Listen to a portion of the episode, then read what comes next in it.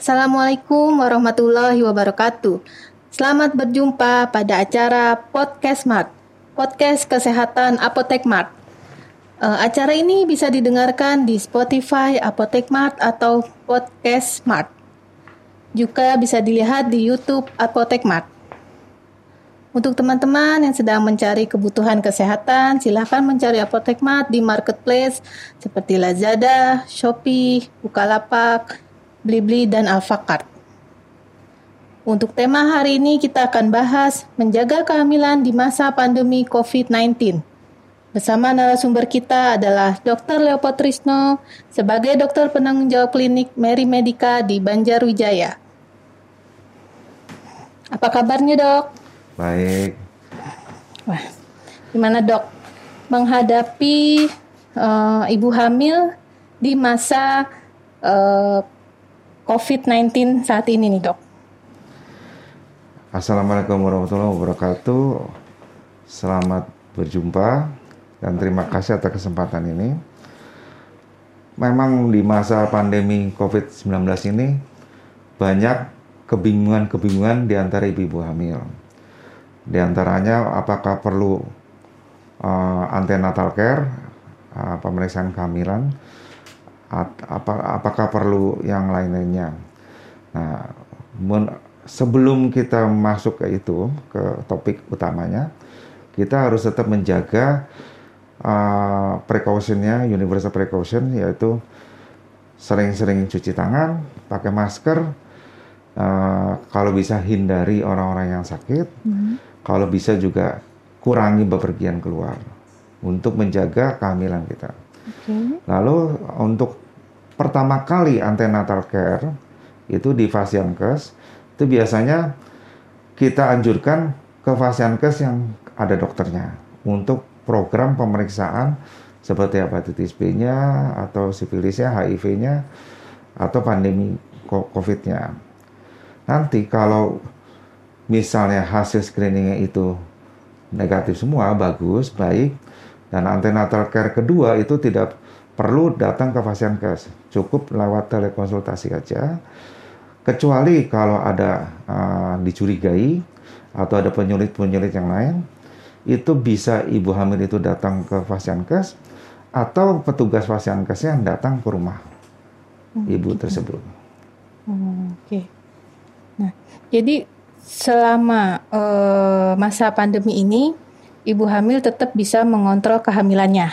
Bisa. Gitu ya dok. Nah itu untuk menjaga uh, atau untuk mengontrol, eh, maksudnya si ibu hamil ini untuk pergi ke pusat pelayanan kesehatan itu itu tidak ada masalah dok atau bagaimana cara mengontrolnya karena kan suka ada kekhawatiran nih dok gitu kan takut ah gitu takut tertular atau apa itu bagaimana dok cara mengontrol seperti yang tadi saya jelaskan untuk pemeriksaan pertama kali itu harus di Fasiankes. Tapi untuk yang kedua, kalau tidak ada penyulit atau tidak ada gangguan-gangguan lain, itu tidak perlu datang ke Fasiankes. Cukup lewat telekonsultasi aja, hmm. atau ya ibunya bisa konsultasi lewat WhatsApp atau apa gitu ya. Kecuali kalau ada penyulit, ibu itu dianjurkan datang ke Fasiankes tersebut atau petugas Fasiankesnya yang datang ke sana.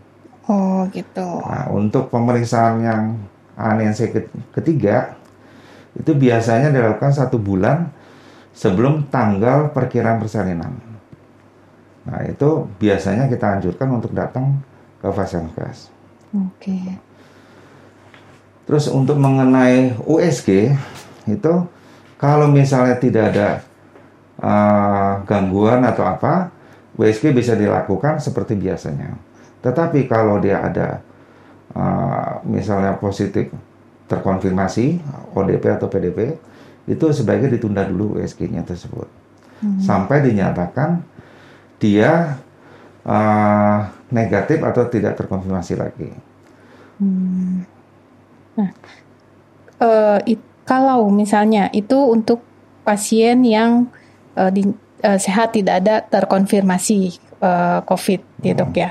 Nah, itu untuk kalau ada ibu hamil terkonfirmasi positif, itu persalinannya bagaimana dok saat pandemi seperti ini?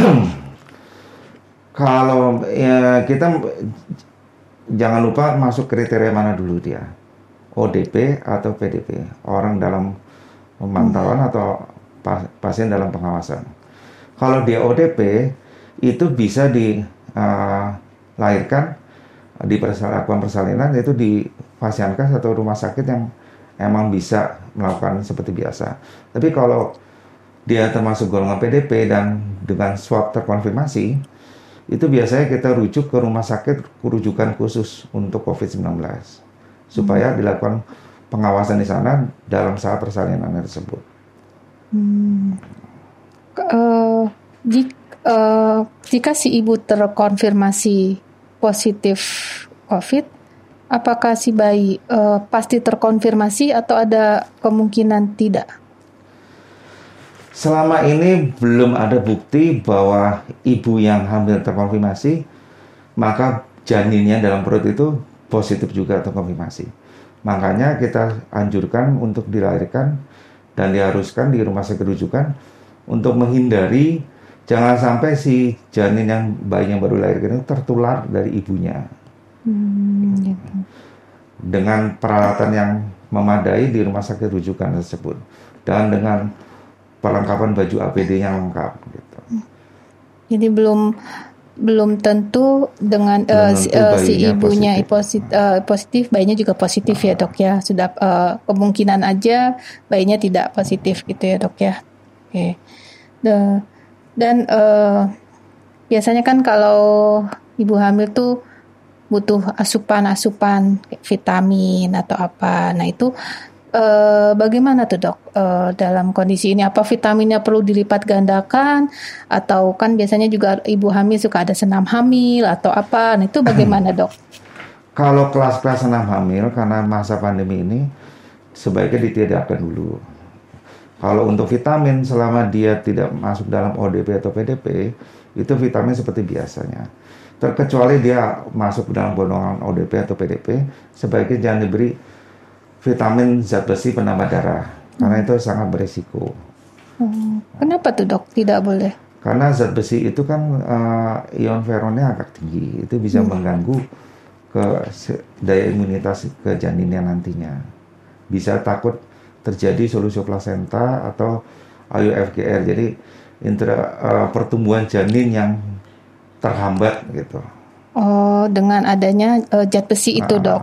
Oh, jadi uh, sebaiknya dok vitamin apa sih gitu apa vitamin C vitamin, atau apa ya, gitu vitamin vitamin biasa seperti vitamin B vitamin C itu boleh oh. kecuali vitamin zat besi itu nggak boleh kecuali yang ada kandungan zat besi kalau dia uh, reaktif atau dia masuk golongan ODP atau PDP tapi oh. kalau enggak kalau dianya uh, tidak terkonfirmasi boleh vitamin boleh. apa saja gitu ya dok ya OTG pun boleh orang tanpa gejala hmm. oh orang tanpa gejala pun tapi dia kan uh, rapidnya misalnya negatif gitu ya tapi kalau rapidnya positif ya sebaiknya hindari zat besi untuk penambah darah Oh gitu.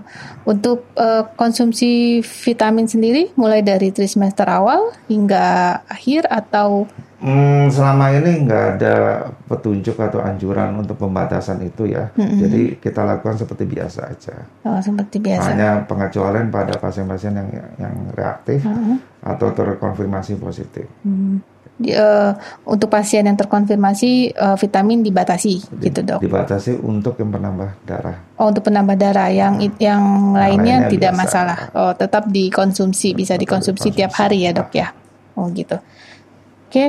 Cuman uh, kalau yang PDP atau hmm. untuk konfirmasi, ya pengawasannya sebaiknya di rumah sakit rujukan gitu. Karena supaya lebih terawasi, lebih lebih ya kalau ada hal-hal tertentu jadi lebih mudah ditangani kalau di rumah sakit rujukan. Untuk pasien yang, yang PDP. Oh, yang, itu menjelang uh, berapa minggu sebelum HPL tuh, Dok? Atau maksudnya dari dia uh, terdeteksi itu dia kontrol di rumah sakit itu sampai dengan dia melahirkan atau maksudnya dalam pengawasannya itu sejak dia terdeteksi terkonfirmasi positif dengan swab itu maka sebaiknya dia langsung dirawat di rumah sakit rujukan karena termasuk resiko tinggi. gitu. Sampai dia ya kalau misalnya sampai bersalin di sana atau kalau misalnya terkonfirmasi negatif dua kali baru kita cek ulang kalau misalnya sudah negatif itu bisa bersalin di pasien kes biasa pasien biasa yang penting pada saat uh, hendak mau persalinan dicek dahulu ya, ah, ya dok ya. hmm, biasanya ming minggu ke berapa tuh dok? 38 pokoknya uh, pengecekannya itu? Pengecekan biasanya pada saat pertama kali dia ANC pertama iya. dia positif atau negatif. Kalau ada faktor risiko misalnya dia uh, dari zona merah atau di rumahnya ada uh, orang-orang uh, yang dicurigai atau positif dan dia ternyata dites positif sejak saat itu kita harus masuk awas pengawasan ketat ya pengawasan ketat oh. uh, maaf dok jadi agak kembali lagi review uh, pasien yang terkonfirmasi itu uh, biasanya kalau ibu hamil itu yang tadi dokter bilang pada saat pandemi ini uh, dibatasi untuk uh, ke kes ya dok ya untuk yang normal semester pertama satu kali terus semester kedua satu kali kemudian yang di semester ketiga uh, dua kali. Nah kalau untuk yang terkonfirmasi positif apakah tiap bulan dia Enggak. kontrol atau cuma yang pertama kali kalau misalnya dia terkonfirmasi positif itu biasanya kita langsung rujuk ke rumah sakit rujukan. Mm. Langsung dirujuk Jadi, ke rumah sakit uh, untuk menghindari karena dia faktor risikonya tinggi karena ada janinnya mm-hmm. dan mudah terjadi perdarahan segala macam. Mm-hmm. Terkecuali dia uh, tidak terkonfirmasi, nah gitu ANC 2-nya bisa lewat telekonsultasi aja. Mm, gitu. gitu. Okay. Terkecuali juga kalau dia di rumah mengalami penyulit yang lain, misalnya kejang atau apa, nah baru uh, dianjurkan ke fasiankes atau petugas kes yang datang. Oh gitu. Oke. Okay. Jadi uh, dari pembahasan ini mungkin dokter bisa uh, dirangkum dan untuk uh, ibu hamil ini masa pandemi seperti ya, ini. teman-teman uh, sekalian sebaiknya pada masa pandemi ini para ibu hamil nggak usah khawatir, nggak usah cemas. Uh, lakukan aja apa yang di anjurkan oleh petugas-petugas Pasyankes karena uh, COVID ini tidak bukan untuk menghalangi jalan persalinan dan nggak usah khawatir janinnya akan tertular.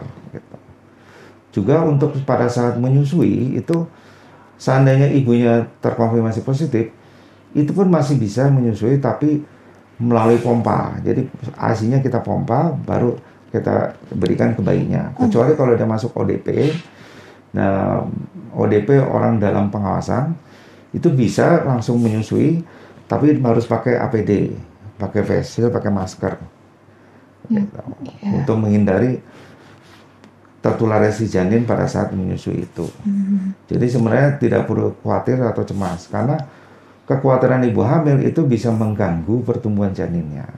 Hmm, gitu. Ya. Oke dok. Jadi uh, banyak juga nih yang sudah dokter sampaikan uh, kepada kita. Jadi untuk khususnya untuk uh, ibu hamil intinya adalah uh, tidak perlu khawatir atau takut pada masa pandemi seperti ini, gitu ya dok ya. Uh, selama uh, tetap menjaga uh, kesehatannya, gitu ya dok ya. Okay. Um, dari acara ini, uh, saya bisa ambil kesimpulan bahwa untuk upaya melindungi ibu hamil di masa pandemi COVID-19 ini antara lain pemeriksaan kehamilan pertama oleh dokter untuk screening faktor resiko adalah membuat janji untuk tidak menunggu terlalu lama di fasiankes. Kemudian pemeriksaan USG itu ditunda pada ibu dengan eh, PDP atau kotor konfirmasi COVID-19. Tunda pemeriksaan kehamilan trimester kedua bisa dilakukan dengan telekonsultasi kecuali ada tanda-tanda bahaya. Pemeriksaan kehamilan trimester 3 harus dilakukan satu bulan sebelum HPL memeriksakan diri sendiri segera ke fasiankes jika ada resiko atau tanda bahaya. Pastikan gerak janin di bawah usia kehamilan 20 minggu dan setelah usia kehamilan 28 minggu. tunda dulu kelas kehamilan atau mengikuti kelas ibu secara online. Terima kasih untuk kedatangannya Dr. Leopold pada acara hari ini. Uh, semoga kita bisa berjumpa kembali ke acara podcast Mas uh, berikutnya. Uh, kita undang kembali ya dok ya. Gak ada masalah kan dok? Masalah. Terima kasih. Terima kasih.